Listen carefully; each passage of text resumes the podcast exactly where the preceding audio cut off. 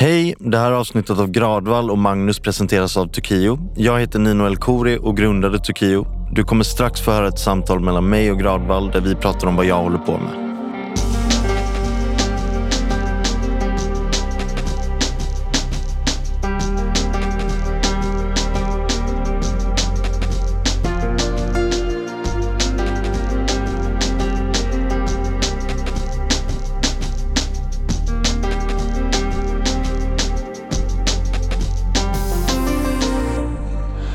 Välkommen tillbaka till Gradvall och Magnus. Det här avsnittet heter Hånfulla mästerverk och handlar om någonting vi alla upplever ibland, nämligen konkurrens. Någonting vi alla upplever men faktiskt aldrig pratar om. Jag har verkligen ransakat mig själv. Hur viktigt är konkurrens i mitt liv och min karriär? Det finns en amerikansk podd som heter Def Sex Money som koncentreras på de saker som man absolut inte kan ta upp. Jag skulle nog addera konkurrens till dem. För att när jag tänker efter, om jag då är helt ärlig som man sällan är i det här, så finns ju konkurrensen hela tiden i det jag gör. Att jag jämför mig med andra som gör snarlika saker. Och ännu mer ärlig, ibland mår jag bra av att få reda på att det går dåligt för de som jag konkurrerar med. Det är lite som den här Squid Game, koreanska Netflix-serien, som verkligen träffar någonting i, vårt, i vår samtid.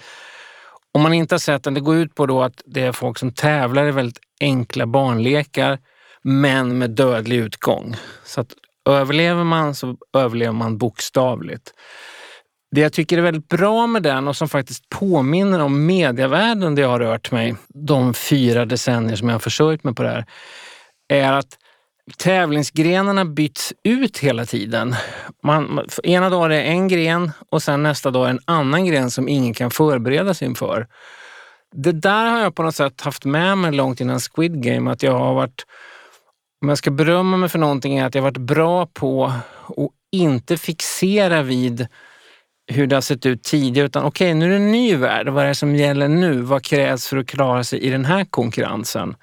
Så att jag tror att konkurrens har präglat mig väldigt mycket.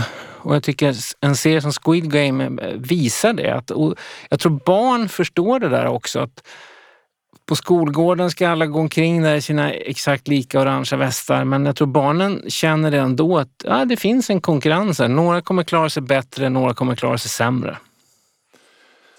Jag kan känna igen den här ofrivilliga jämförelsen, den lite passivt aggressiva konkurrensen. Jag har ju tidigare i livet varit väldigt insyltad i föreläsarvärlden. Och föreläsare är ett väldigt speciellt skrå. I grund och botten är det ju en helt meningslös tjänst. Människor på ett företag samlas på en kursgård eller en kongresslokal och för dem är det bara avbrottet från vardagen som var givande. Man fick kanelbulle, kaffe, på kvällen drack man en öl, det var något band. Det kom någon föreläsare som sa något som var ganska kul. Det vill säga föreläsande är ungefär som kanelbulle och fatöl. En viktig ingrediens men inte helt avgörande. Men självbilden för väldigt många föreläsare, inklusive mig själv under de åren när det var som mest intensivt, det var att man nästan hade ett Jesuskomplex. Man stod där, man tyckte att det man sa var fruktansvärt viktigt och intressant. Eh, istället för att inse att det är hela kategorin möteskategorin som vi tillsammans bygger. Om du gör ett bra jobb året före gör jag ett bra jobb året efter och så kan det här leva vidare. Så var det enormt mycket jämförelser med varandra. Människor byggde in i sina föreläsningar såna här förtäckta budskap. Ja, ni vet hur man brukar höra från andra föreläsare, men egentligen är det så här. Och insert väldigt triviala budskap. Så det här, konkurrens är ju ett potentiellt gift som kan förgifta en. Men det är också någonting som kan, kan liksom välsigna och göra saker bättre. Och ge en en sorts energi. För när du beskriver liksom din bransch, det gäller ju nästan för alla branscher. Jag känner igen allt det där i min bransch då som man kan kalla mediebranschen med frilansare. Det finns definitivt det här Jesuskomplexet. Det finns definitivt den här känslan av total meningslöshet. När det verkligen blir krig så kommer vi inte skicka ut filmrecensenter till fronten. Det, det, det finns där man pendlar hela tiden mellan någon sorts hybris och självtvivel. Så vi ska prata lite och dissekera begreppet konkurrens och se när det verkar som ett gift och en välsignelse.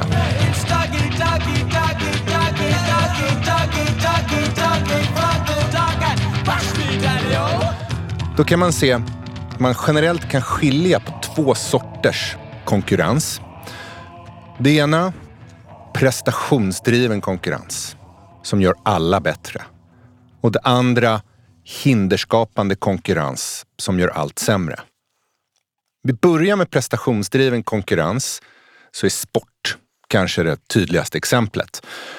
Tittar man på tyngdlyftning till exempel och så går det tillbaka några decennier, då kan du se att allt ifrån eh, marklyft ehm, eh, till benpress till bänkpress har man i princip dubblat världsrekordsvikten senaste 50 åren. Inte över en natt, utan att man hela tiden hittade lite smartare, bättre sätt att göra det. Utrustningen förbättrades lite grann, tekniken. Samma sak med maratontider. Går du tillbaka 100 år så var ett maraton i princip 40 procent långsammare än vad det är idag. Man märker att idrottare blir mycket mer systematiska och smarta också. Det är inte bara att det är någon som klarar av att springa i en skog längre än någon annan utan de sitter ju också där med sina Excel-dokument och verkligen blir mer analytiska. Nils van der Poel är ett väldigt tydligt exempel då. Svenske skridskoguden. Och Nils van der Poel går in på 12, 30, 74! Eh, som efter att han vann sina två OS-guld offentliggjorde ett 62 sidor långt dokument som finns att ladda ner, jag rekommenderar det, om hur exakt han har tränat de 33 månader som ledde fram till OS. Och det är totalt 2903 timmar. Kanske inte flest antal timmar, men han har förvaltat dem smartare än alla andra och berättade precis vad han har gjort. Här är ett exempel på en, en dag då i hans liv. Måndag, fem kilometer på cykel. Sen inom parentes är det då, fem minuter på 200 watt, sex minuter på 260 watt, fyra gånger 30 minuter på 401 watt med fem minuters vila emellan. Varför säger man watt? Jo, det är ett mycket bättre sätt att mäta än vad puls är. För att Puls påverkas av yttre omständigheter, det vill säga allting som händer i livet. Om du är stressad, om det händer något i din familj kan du få förhöjd puls. Men watt då som man mäter, det påverkar bara exakt vilken effekt träningen ger. Så Nils van der Poel är inte bara världens bästa skridskoåkare utan han är också den absolut mest analytiske idrottsperson jag har svårt att tänka mig att det är någon annan som befinner sig på den här nivån ens i världen som, som han gör. Att han, han är unik på det sättet. Engelskans competition kommer från latinets competare. Att man strävar tillsammans. Och det är ju verkligen sportens natur. Man står på jättarnas skuldror, man lär sig av vad andra har gjort. Det kommer ju komma någon som inspireras av Nils van der Poel och tänker, äh, men om jag gör det här vattantalet eller om jag äter så här istället. Och det, så sport är kanske det tydligaste exemplet på prestationsdriven konkurrens. Det gör alla bättre. Det finns andra exempel där inne. En intressant dimension är arkitektur där man pratar om the edifice complex. Alltså monumentkomplexet kommer från början från um, Imelda Marcos, den här filippinska diktatorshustrun, mest känd för sin skogarderob. Som hade över 3000 par skor. Tydligen. Hon var också den som började med att tänka, hur kan vi sätta Manila och Filippinerna på kartan? Jo, med spektakulär arkitektur. Och det är det man ser idag att alla länder försöker göra. Att man liksom försöker sätta stora arkitektoniska monument på kartan. Tydligaste exemplet kanske Dubai, Förenade Arabemiraten. Ja, eller för en stad är det liksom Guggenheim i Bilbao. Så tänker man Bilbao ser man den här plåtbyggnaden framför sig. Ja, och där kan man väl säga Ja, det gör platser intressantare. Just Guggenheim-museet i Bilbao i en fallstudie det lyfte en hel stad ekonomiskt och motivationsmässigt och det blev en destination. Men det här har ju också av arkitekter kallats för bird shit architecture. Det vill säga man flyger runt i Google Maps och släpper byggnader. Så här, här borde det vara en hög skyskrapa, här borde det vara ett Guggenheim-museum. Så den ligger någonstans mitt emellan. Man kan se. Men, men generellt, det finns konkurrens har en förmåga om vi är öppna och nyfikna på att kunna göra helheten bättre. I musikvärlden så ser man ju effekten av konkurrens hela tiden. Förr sa man ju det här, man kan inte tävla i musik. Melodifestivalen, det är exakt det man kan. Och det är exakt tävlande musik som har fört liksom, popmusiken framåt. Ett exempel är ju då Robin.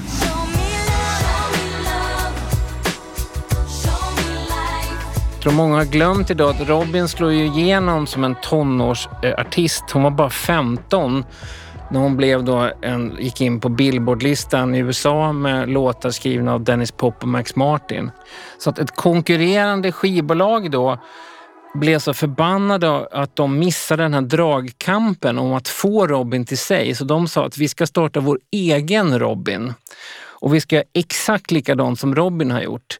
Vi ska skicka den här personen till Sverige. Hon ska jobba med samma låtskrivare, spela in i samma studio.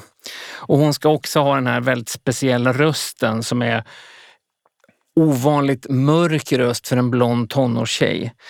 Så att Jive som bolaget heter då, de hittade den perfekta Robin-kopian och hon hette Britney Spears. Vilket för oss då till den andra och mörkare sidan av konkurrens, den hinderskapande.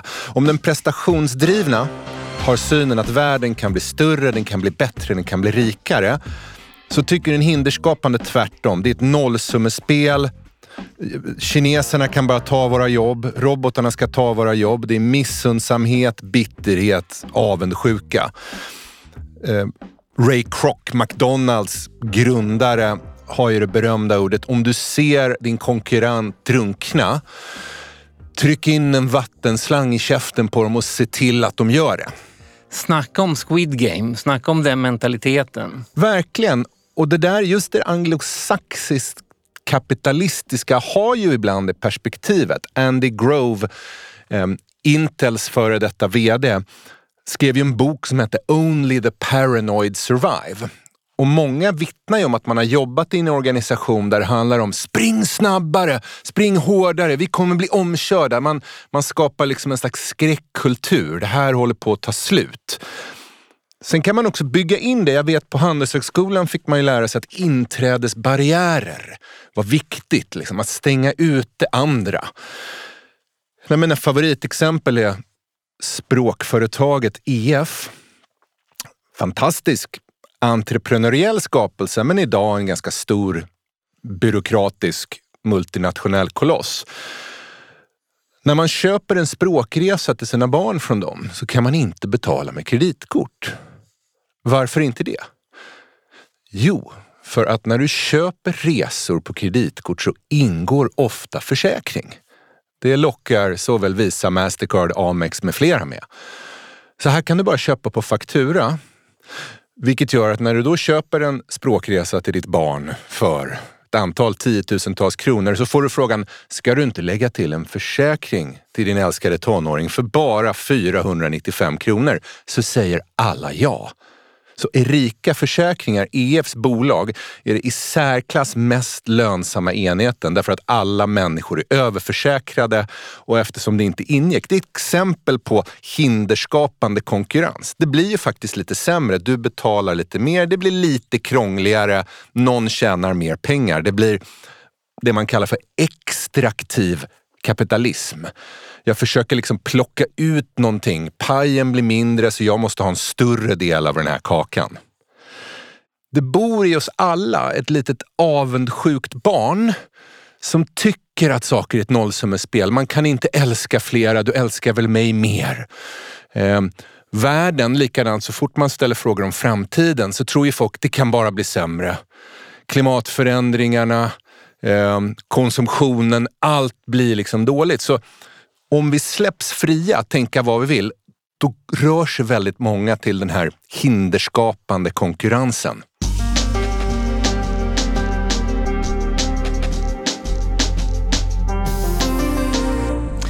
Välkommen Nino El Khoury.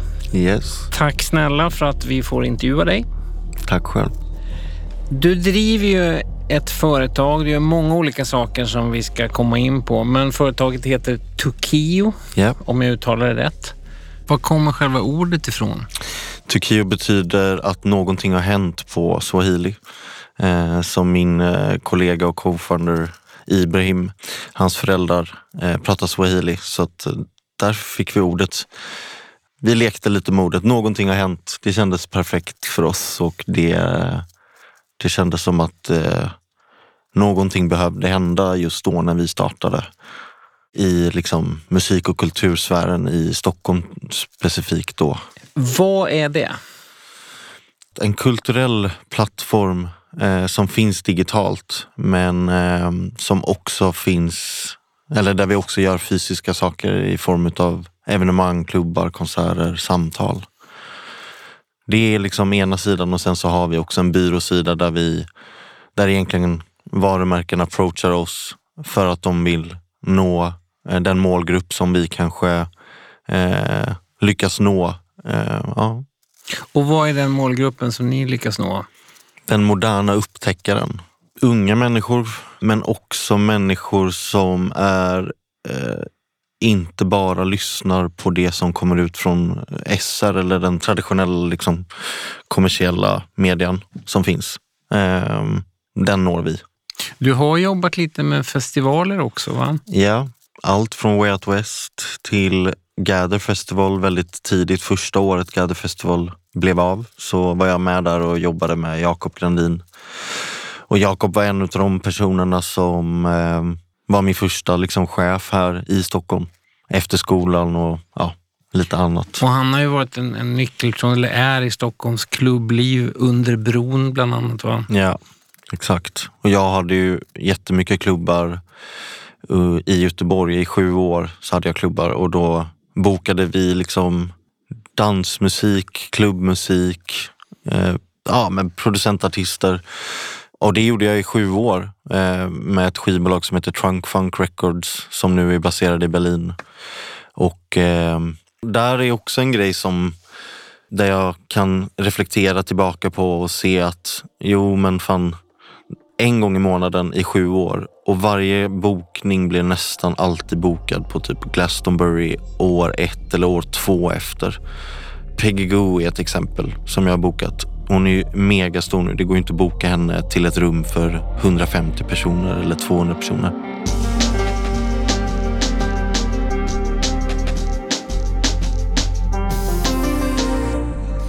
Om man går då till den andra sidans konkurrens, hur konkurrens skapar kreativitet, att det faktiskt kan vara någonting bra. Tänkte, det finns ju två, två bra exempel på det. Att det är liksom verkligen illvillig konkurrens som leder till mästerverk egentligen. Och de två exemplen är Shrek och Dante. Om vi börjar då med Shrek, den eh, tecknade filmen om Träsktrollet som jag tror de flesta har sett.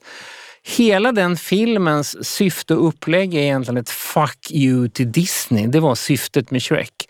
För Jeffrey Katzenberg som låg bakom Disneys revival på 90-talet. Disney hade en ganska lång downperiod. Det var han som liksom såg till att Disney var på, på tårna igen. Sen då i en, en maktkamp så fick han sparken från Disney. Och han kunde inte förlåta det här så han tänkte nu, nu jävlar ska jag ge igen. Så han startade Dreamworks tillsammans med två andra liksom, supermakthavare i Hollywood, David Geffen och Steven Spielberg. Och så börjar de göra då Shrek. Upplägget i Shrek är att det här är Träsktrollet som gör då fisskämt. Det har aldrig Disney gjort förut. Eh, det finns mycket så här populärkulturella insiderskämt, har aldrig Disney gjort förut. Och framförallt att han ger sig på sådana personer som är då traditionellt hjältar i Disneyfilmer, det vill säga prinsessor och löjliga prinsar. Shrek bokstavligen pissar ju på dem. Så att hela syftet med Shrek var egentligen att förolämpa Disney. Och den där kraften att Jeffrey Katzenberg förmodligen låg på alla och såg till att alla gjorde sitt bästa ledde ju till någonting bra. För det är ju ett, ett, animerat mästerverk, för att inte tala om hur mycket pengar han tjänade på det här. Ett hånfullt mästerverk. Ett hånfullt mästerverk, exakt. Ett annat hånfullt mästerverk är ju då Dante, eh, Dante Alighieri som skrev Den gudomliga komedin överallt i filmer nu så är det ju att när någon är riktigt så ond och intelligent och läser om Dante, det är en sån där klassiker. Och vad han skrev ju det här på 1300-talet och det har blivit ett av historiens mest allmängiltiga verk, fortfarande lika aktuellt. Men det var inte Dantes ambition alls. Hans ambition var att vara så tidsbunden som möjligt. För vad han var ute efter var att då ta motståndare i en politisk maktkamp i Florens där hans personliga fiender och hämnas på dem. Det var det han höll på med i den här boken egentligen. Så han placerar dem i helvetets nio kretsar. Och de som placeras det är då personer som han vill hämnas på. Det är den gudomliga komedin som verkligen är då ett hånfullt mästerverk. Den mest intressanta fallstudien när det kommer till öppenhet kontra slutenhet, det är skillnaden på Kina och Europa. Som alla vet så kultiverade Kina enormt mycket uppfinningar. Allt ifrån förfärkeriet, vinet, pastan, en mängd olika eh, tekniska innovationer och inte minst stor sjöfartsnation, handelspartner, var ju för drygt tusen år sedan enormt mycket rikare än Europa och framförallt Sverige. Och de var flera tusen år före Donald Trump att bygga en mur. Exakt.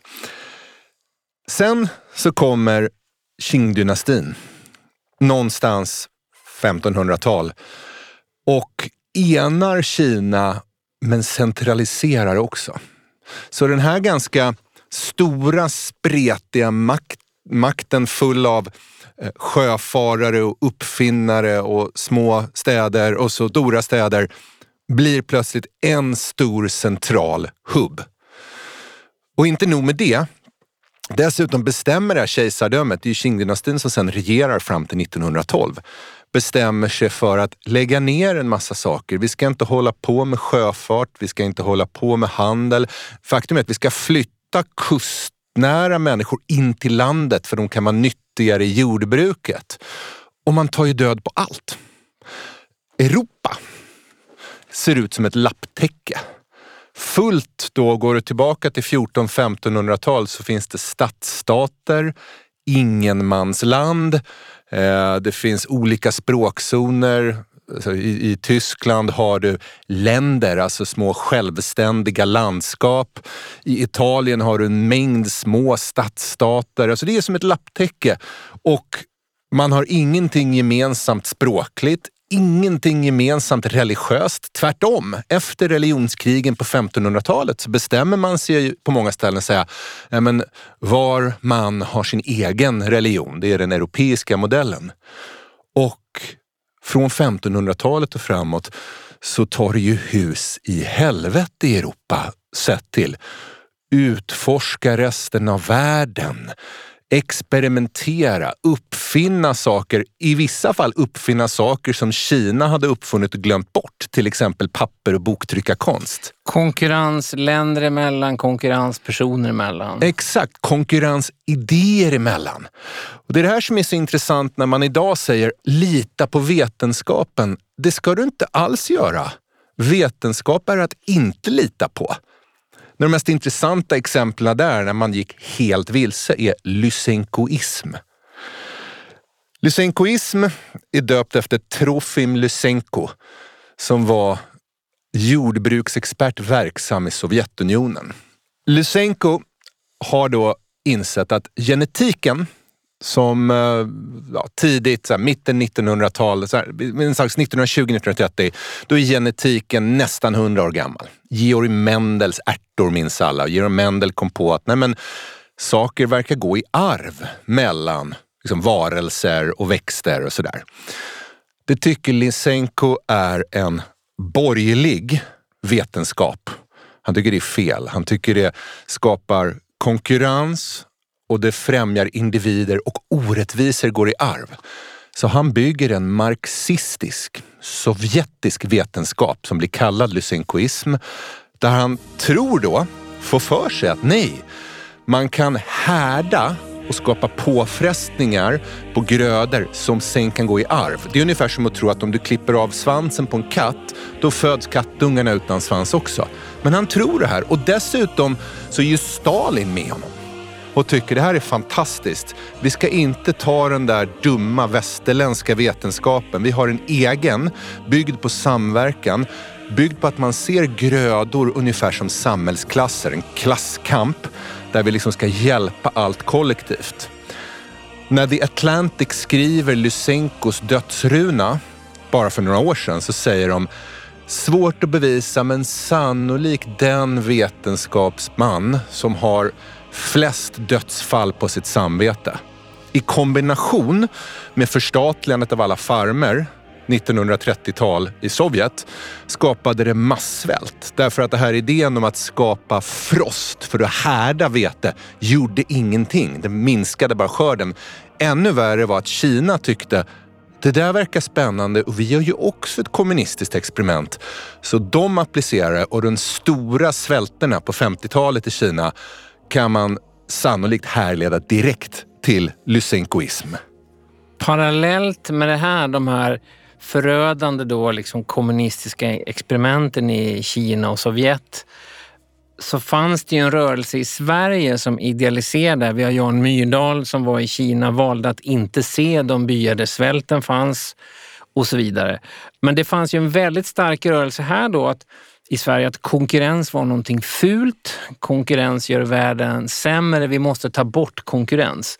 Man ser det på Sveriges Radio då, som det fanns en våg i mitten på 70-talet där man först sa att vi måste ta bort topplisteprogram och sen gjorde man det. 10 topp var ju då det populäraste programmet i P3. Det sista 10 topp sändes 29 juni 1974 Sista listettan var Sugar Baby Love med The Rubettes.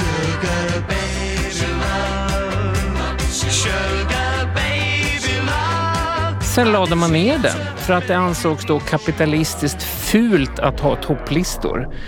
Eh, auktionsgruppen Rädda radion såg då att topplistor bidrog till att citat, konservera musiksmaken till förmån för de multinationella skivbolagens imperialistiska Coca-Cola-kultur.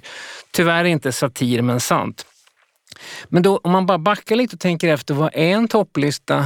Jo, en topplista är, bygger på vad då folk i ett helt land, ur alla samhällsklasser, har valt att då köpa eller lyssna på för att de tycker det är bra. Den speglar ju folkets smak. Men Sveriges Radio raderade folkets smak och ersatte den med en liten elit på då tio musikproducenter vid Gärdet som istället skulle diktatera vad folkets smak borde vara. Och det är ju så när du försöker då på konstjobb radera befintliga maktstrukturer genom att avskaffa eller kvotera, då kommer det ju bara nya. En av de mest berömda exemplen på det är en reklambyrå som heter Chia Day i USA de kom på tidigt 90-tal, folk borde inte ha egna kontor. Folk borde få sitta och jobba var som helst. Det här är långt före aktivitetsbaserade arbetsplatser, utan det här är ett pionjärsexperiment. Och då säger de då, ja, från och med imorgon så river vi alla väggar, alla ska få sitta var som helst. Vad händer? Jo, sekreterarna tvingas komma in en timme tidigare imorgon för att ta de bästa platserna till sina chefer. Och väldigt snabbt etableras det ju såklart att alla de här platserna är så fina så de är reserverade. Så det kan ju kännas bra. Det är klart, vi ska vara en platt organisation, men det gör ju bara att det blir cirklar istället med den inre cirkeln och den yttre klicken. Var försiktig vem du tävlar med. för du kommer bli precis som dem. Det här slog mig för några år sedan, Janne, på en flygplats. Dublins flygplats och där skulle jag flyga SAS. Går du tillbaka 20 år så minns vi att SAS It's Scandinavian. Det var något speciellt. Det var värt att betala lite extra Precis, för. Precis, liksom en sorts Volvo i luften lite. Exakt. Um, hade några år tidigare vunnit liksom the business airline of the year. Jan Karlsson personlighetskult. Det var, det var värt någonting stort. 20 år sedan började med avregleringarna lågprisflygen komma. Och det råder ju då ingen hejd på PR-kampanjen om att de här är osäkra och farliga, svältlöner och obekväma, otrevlig personal och så vidare. Vad gör då SAS? Jo, försiktigt, sakta men säkert så börjar de ju konkurrera med de här. Man tänker vi kanske ska bygga en egen lågprisflotta som man kallade Snowflake, funkade inte. Vi kanske ska göra ekonomiklass ännu sämre, färre saker ska ingå så du ska betala mindre. Och så börjar man då priskriga och när jag står då bara för något år sedan på Dublins flygplats så insåg jag från den här flygplatsen så går både Ryanair och SAS till Stockholm. De står på samma flygplats, samma plan, ser likadana ut. Man får lika mycket eller lite ombord. Vad kallar betala mer-konceptet från SAS för? Jo, plus. Vad kallar Ryanair sitt? Plus. Så någonstans här att vara väldigt försiktig med vem du konkurrerar med. För vare sig du vill eller inte kommer du bli exakt som dem. Det finns ju ett, ett lite mer poetiskt påstående i, i strid. Du måste inte bli ett monster för att bekämpa ett monster. Men det är väldigt lätt att man blir det i vedergällningslusten, blodtörsten, hämndbegäret så blir man den ondskefulla kraft som man en gång i tiden ville bekämpa. Det gäller ju i konkurrensen just att ändå hålla fast och ha ett lod och inte tappa sig själv i det. Man kan konkurrera med andra, men att konkurrera med andra på så sätt att man försöker bli som de andra gäller ju på alla områden. Det är ju förödande. Och då kommer vi tillbaka till det vi började kring. Men samverkan, kompetare, att sträva tillsammans. Vi nämnde i avsnittet Ex Uni Multi om mångfald Darwin. Och Darwin upptäcker ju på Galapagosöarna att alla fåglarna var i princip samma art släkte men hade utvecklat olika näbbar för att inte konkurrera om samma mat utan kunna äta från olika saker. Som att det fanns en naturkraft som faktiskt ville att vi skulle samverka och inte tävla. Man kan titta på filmer och tv-serier idag. Den gamla föreställningen att det finns ett ensamt manusgeni ungefär som en författare, en filmens James Joyce som bara lämnar över det här är de 200 sidorna, filma dem. Så går det inte till längre utan det är snarare ett rum som skriver de bästa manusen. Ett rum med personer från olika bakgrund som har olika specialiteter som tillsammans då utformar det här manuset. Någon är huvudansvarig men de andra hjälper till. Och det har väldigt många olika orsaker. En har ju då att förutsättningarna kan ändras. De säger att ursäkta men skådis X kan bara vara med på tisdagar för att skådis X jobbar på en teater. Då får man anpassa manuset efter det. Eller att ni måste skriva om handlingen för att vi har bara råd att ha helikopter en vecka, inte sju veckor. Så att ni kan inte, den kan inte bara handla om helikopterförare. Massor sådana saker. Vilket gör att då det här kooperativa blicken är mycket bättre för att skriva bra manus inom film och tv än vad så att säga, den enskilde personen är. Och den kooperativa blicken är en naturvetenskaplig teori som handlar om människans ögonvita. Det finns ingen annan levande varelse som har en så stor ögonvita. Därför ögonvitan gör det möjligt att följa en annan persons blick, möta dem med blicken, vilket är grunden till samverkan. Kompetare, att sträva tillsammans. Det vill säga inte en idé, utan det som du var inne på, en vidé. Flera som kan göra saker tillsammans. Som gör saker tillsammans och har konkurrerat.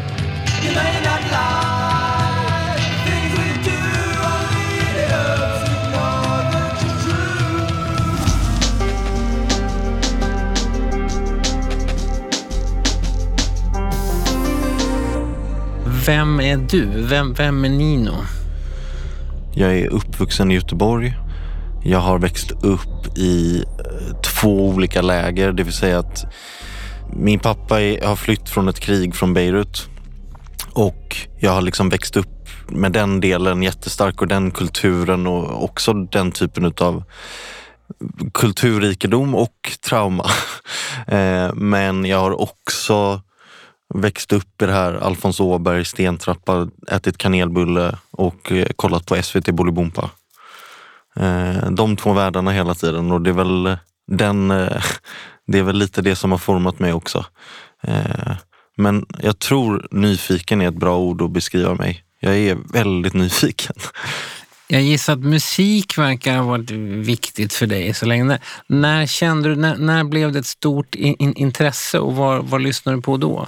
Jag vet inte om det är kombination med att jag inte riktigt kände mig hemma i någon slags identitet så jag liksom började leta efter identiteter. Och jag kommer ihåg att jag, jag var inte superbra i liksom skolan tidigt så att då jag kommer ihåg att jag åkte in till Frölunda torg som var vårt närmsta köpcentrum, torget och där fanns det en Carlings butik. Och på den tiden var Carlings, tycker jag i alla fall, mycket coolare än vad det var då. Eller vad det är nu. Eh, men eh, där kommer jag ihåg att det var liksom två skatepersoner som hängde där och jobbade i butiken. Jag tyckte de spelade sjukt bra musik. Det var också så här Göteborgs killar som typ, lyssnade på bra musik tyckte jag. Så där tror jag någonstans börjar med liksom, i form av så här, identitet, kläder, lys, musik, ljud. Sen efter det måste jag säga DC++ och typ Pirate Bay. Jag tror det var DC++. Alltså jag skapade ett ohälsosamt beroende där. Man får nästan förklara det. Vad, vad är DC++? Alltså DC++ var ju en, eh, ett internetfenomen slash plattform som där Jan Gradvall kunde typ lägga upp ett album som du gillar som du har kanske köpt eller hittat någonstans eller du har det på din dator eller hemma och så har du liksom antingen från CD till eh, liksom digitalt överfört det till den här plattformen. Och så finns det en liten liksom nickname på Jan som också jag kan klicka på och så kan jag se in i hela hans bibliotek. Och det, alltså, det ohälsosamma beroendet jag skapade, jag eh, spenderade extremt mycket tid. Alltså, jag kan ju flyga liksom vad som helst eh, kände jag eh, på kvällar och nätter. Jag kunde ju komma fram till en formgivare som tidigt jobbade liksom, och gjorde något omslag och var någon person någonstans i världen och helt plötsligt från omslag till grafisk form och design och från det till en person som skapade kläder eller och de jobbade tillsammans i ett team för att liksom göra ja, typ Afex Twin eller vad, vad man än gillade och lyssnade på. Men jag gick ju mitt musiksinne blev ju så presenterat för så mycket bred musik. Eh, och jag kommer ihåg att jag liksom hittade allt från neoklassisk musik till liksom hiphop, rap, elektroniskt, eh, indiepop, postpunk. Tidigt och jag, det var stor passion. Det är en stor passion för mig. Vad blev ditt första jobb i liksom den här världen, om vi nu kallar det liksom medievärlden? Vad, vad, hur har din väg sett ut? Efter gymnasiet så hade jag inte så bra betyg så att jag, men det fanns en klädbutik. Eller jag skulle säga snarare att det kändes som ett Colette typ. Eh, om man vet vilken butik det är i Frankrike som ändå samlar musik. Det, det är ett väldigt trendigt, eh, hippare form av varuhus kan man säga som ja. samlar olika. Man kan hitta kläder, sneakers, skivor. Ja, precis. Mm. Och Fever som den butiken hette, den var en väldigt liten version av det, en Göteborgsversion av det. Men vi var för många butiker, eller de flesta butikerna i Stockholm skulle jag säga på den tiden. Och där sålde de jävligt mycket roliga varumärken och de sålde sjukt coola sneakers, de sålde musik. Jag eh, hängde där ganska mycket, lärde känna den personen som eh, var där och han anställde också mig för att jag var så jäkla nördig eh, och hade bra känsla. Eh, Så där fick jag mitt första jobb och därifrån, där började jag liksom jag började jobba väldigt mycket med att bara sätta ljud i butiken hela tiden. Jag, jag liksom la väldigt mycket tid på det. Och, Och du säger sätta ljud, du menar musik Ja. eller en annan form av ljud? nej, musik, och liksom, men jag försökte koppla musiken väldigt mycket till hur det såg ut eller hur man skulle uppleva att komma in i butiken också.